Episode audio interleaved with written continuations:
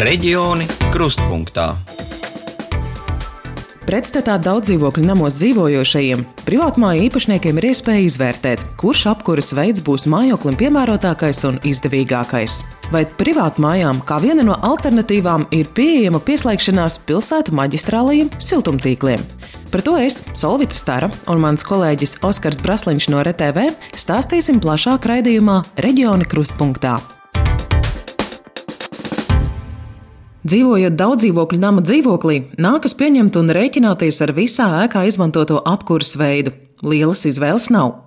Taču, ja dzīvo privātu mājā, ir vērts laikus apsvērt, kāds apkuras veids būs tavam mājoklim piemērotākais un izdevīgākais. Gāze, malka, elektrība, granulas, siltumsūknis. Šie ir pieci Latvijā izplatītākie apkures veidi, par kuriem pēdējā gada laikā izvērtušās plašas diskusijas energoresursu cenu rekordu fonā. Vēsturiski lielākoties privātmājām apkurei tika izmantota malka, taču tagad iespēja ir tik daudz, un, kā mums atzina enerģētikas eksperts, viena recepte visām mājām nav. Viena no alternatīvām, lai pašam privātmājas saimniekam nebūtu jālauza galva par kurināmās sagādāšanu, temperatūras regulēšanu, ir pieslēgšanās pilsētas maģistrālajiem siltumtīklam. Taču šāds apkuras veids privātmājām nav populārs. Galvenokārt tāpēc, ka ne visur ir iespēja pieslēgties centralizētajiem tīkliem. Valmērā ir četras lielās siltumapgādes katlu mājas, kas siltumu piegādā daudz dzīvokļu mājām, pašvaldības iestādēm, skolām, lielajām biroju ēkām un arī uzņēmumiem. Iespējas pieslēgties kopējai siltumtrasei būtu aptuveni 30% privātu māju, kas atrodas Valmieras centrā. Taču pieslēgušās ir tikai 24. Galvenokārt jau vēsturiski, laikā, kad pilsētā vēl tikai veidojās centralizētais siltumtīkls.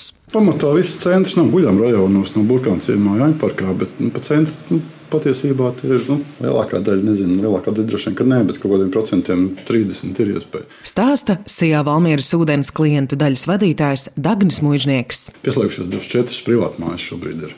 24 privātmājas. Un kur viņas tā apmēram atrodas Valmieras? Viņas ir dažādi. Ir pārgāja, ir rūpniecības iela, tad ir otrā pusē, gaujas labā pusē, Annas iela. Nu, viņas ir tā ļoti izk... nav tādi īsti izteikti puduri. Jā, viņi varbūt tās kaut ja viens pieslēdzās, vēl tur kaimiņi droši vien savā starpā runā un, un, un saprot, ka nu, ērti jau ir. Jā, tur nu, nevajag neko par kurināmo domāt, nu, vai tā ir ziema vai vasara, nu, pagriez krānu, tev ir silts. Mm -hmm. Satiesās gan uz siltumu, gan ūdeni. Pastiprināta interese Valmierā siltumu saņemt no centralizētā tīkla parādījās pērn, kad valdīja liela neziņa, vai vispār pietiks siltumapgādes resursu apjoms, gan bažas par augstām cenām, taču līdz reāliem pieslēgumiem tā arī nenonāca. Bija interese pagājušā vasarā diezgan liela, bet, nu, nu, protams, ka tur ir nu, jātais projekts, ir, un, kas saprot, ka cik tās izmaksas lielas ir tāds nogaidošs. Tāds, nu, tā kā, jā, jā, bet nu, nevar nu, saprast, kas notiks ar citiem resursiem, nu, vai kaut kādām malkām, granulām vai, vai, vai to pašu gāzi. Protams, jau mēs arī nevaram atļauties tur būvēt nu, tādos guļam rajonos, nu, tā pašā burkāna ciemā vienkārši izbūvēt tīklu, nu, ieguldīt miljonus un pēc tam tur divi, trīs pieslēdzās. Nu, nu, tā mēs vienkārši nedrīkstam darīt. Jaunas siltumtrases izbūve prasa lielas investīcijas. Pērn Valmierā tika pieņemts lēmums būvēt maģistrālo siltumtrasi, paplašinot šīs siltumapgādes iespējas pilsētā. Tā atradīsies netālu no viena no lielākajiem pilsētas privātmāju rajoniem, taču iespējas pieslēgties būs vien dažām maisaimniecībām. Galvenokārt trase tiek būvēta, lai ar siltumapgādi nodrošinātu šīs pilsētas apkaimes bērnu dārzu, viesnīcu un vietējo uzņēmumu. Skatot visu šo trasi, līdz šim Valmjerā tāda īsta pieredze nav bijusi, jo vairāk jau mm, centralizēto siltumapgādi nodrošina daudz dzīvokļu mājām un teiksim, kaut kādiem uzņēmumiem, bet visas tendences pasaulē ir, ka tomēr, nu, lai veidotos šī tīrākā vide, kad uh, siltumu varētu ņemt arī privātmājas.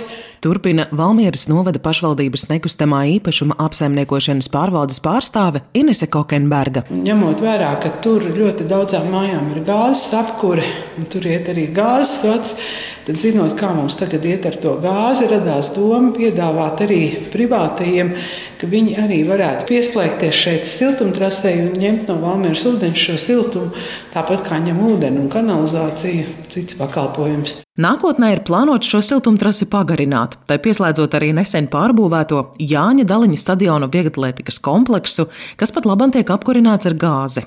Valmieras novada pašvaldībā apstiprina, ka privātmāju īpašnieki, kuru īpašumiem ies garām jaunā siltumtrase, interesi ir izrādījuši. Taču visu nosaka cena arī par cita veida apkurs iespējām.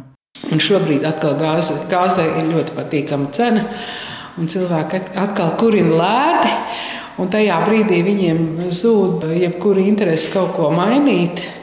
Brīdī, tad, kad eh, novembrī, decembrī bija šī augst, ļoti augstā gāzes cena un saņemot šos milzīgos rēķinus, protams, cilvēki bija gatavi darīt nesko, bet tagad viņiem atkal šī interese ir pazudusi. Un, un, un, diemžēl tā ir un ar to ir jārēķinās, ka viss nosaka maciņš.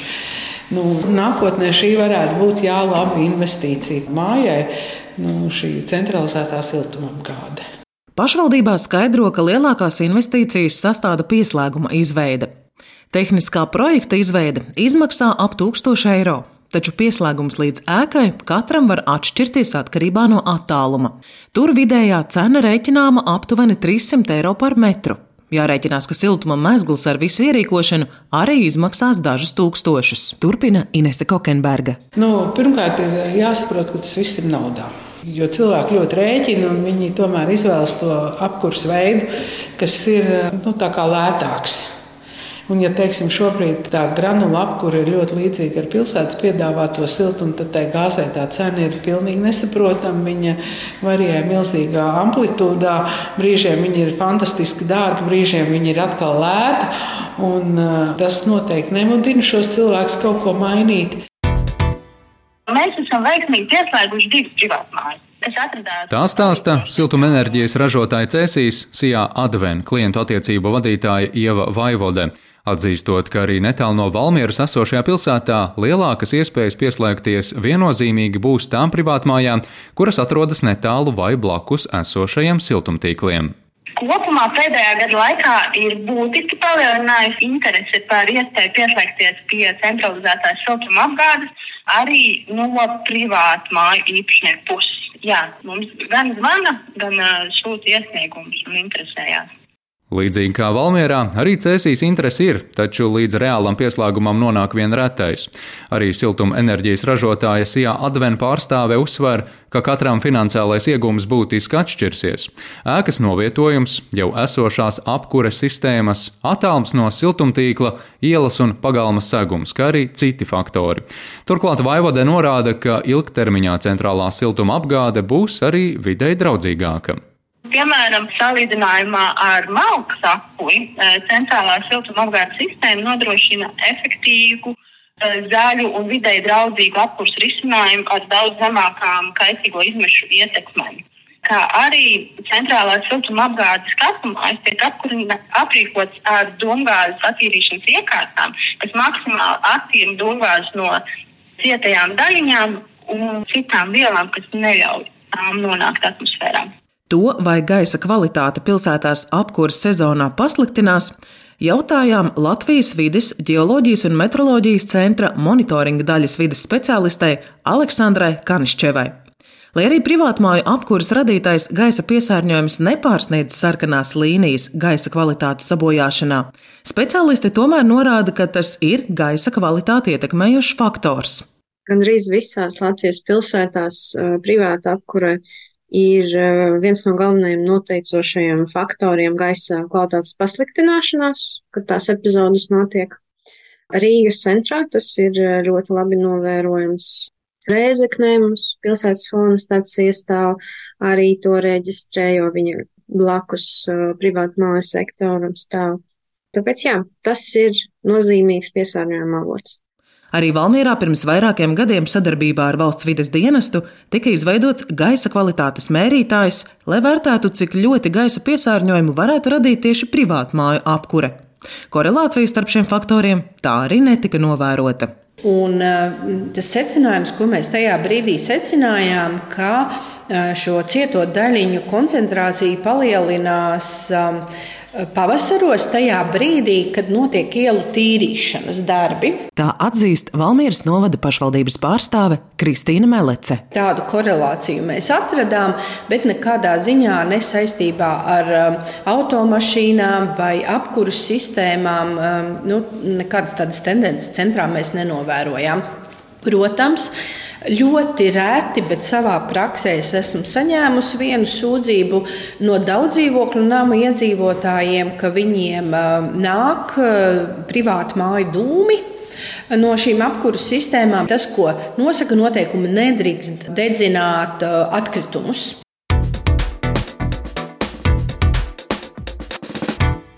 Ar Valmieras piemēru iepazīstinājām arī enerģētikas un vides ekspertu Rīgas Tehniskās Universitātes asociēto profesoru Edgars Vīgantu, lūdzot arī komentēt šo ideju par privātu māju pieslēgšanos centrālajiem siltumtīkliem plašāk valsts mērogā.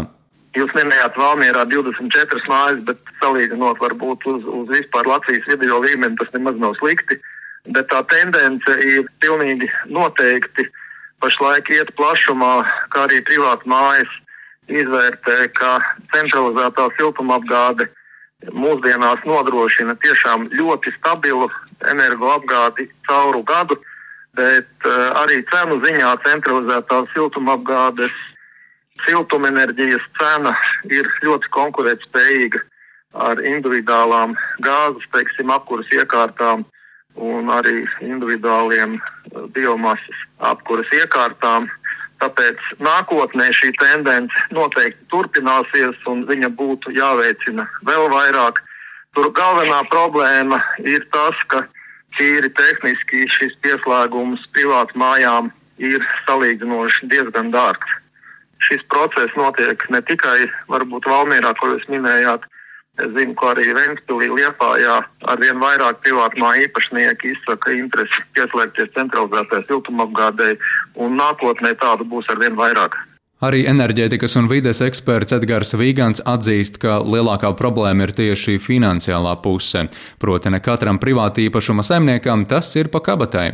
Ideālā scenārijā būtu pieejams arī Eiropas Savienības fondu valsts vai pašvaldību atbalsts. Un šis, teiksim, ir viens no pasākumiem, kurš diemžēl nav ietverts gandrīz nevienā atbalsta programmā.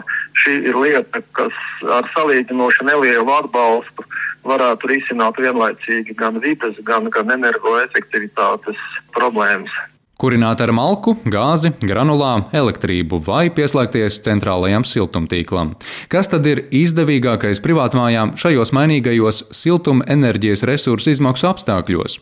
Vienu konkrētu siltuma ieguves avotu eksperts gan nenosauc, viņam ir cita recepte. Turklāt tā atšķirsies katram individuāli. No malas tāpat kā ārstēt pacientu pa telefonu ir, ir diezgan grūti. Bet es atbildēšu tā, ka Es ieteiktu iespēju robežās izvēlēties tādu sistēmu, kas būtu iespējami elastīgāka un uh, neatkarīga no viena kurināmā veida. Tas nozīmē, ka es ieteiktu to kombinēt noteikti, ja runa ir par privātu mājām, kur tas ir vieglāk izdarāms, kombinēt ar saules enerģiju, ar saules paneļiem vai saules kolektoriem, kombinēt ar siltumsūkņiem.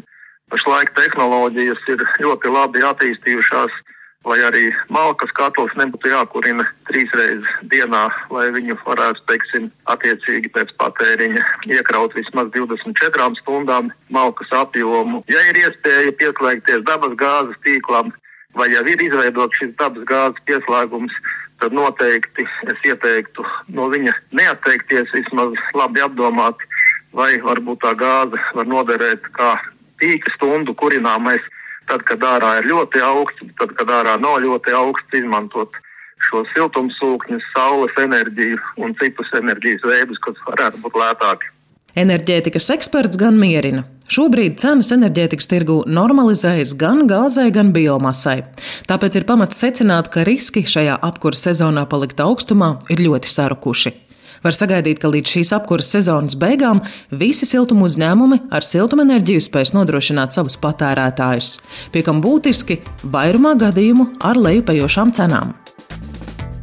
Raidījumu pēc Latvijas Rādio 1 pasūtījuma veidoja RTV Oskars Braslīņš un Solvita Stara. Nākamajā raidījumā kolēģi no Kurzemes stāstīs par reģionāliem laikrakstiem, kāds tiem iezīmējies šis gads gan abonementu skaita, gan finanšu situācijas ziņā. Reģioni krustpunktā.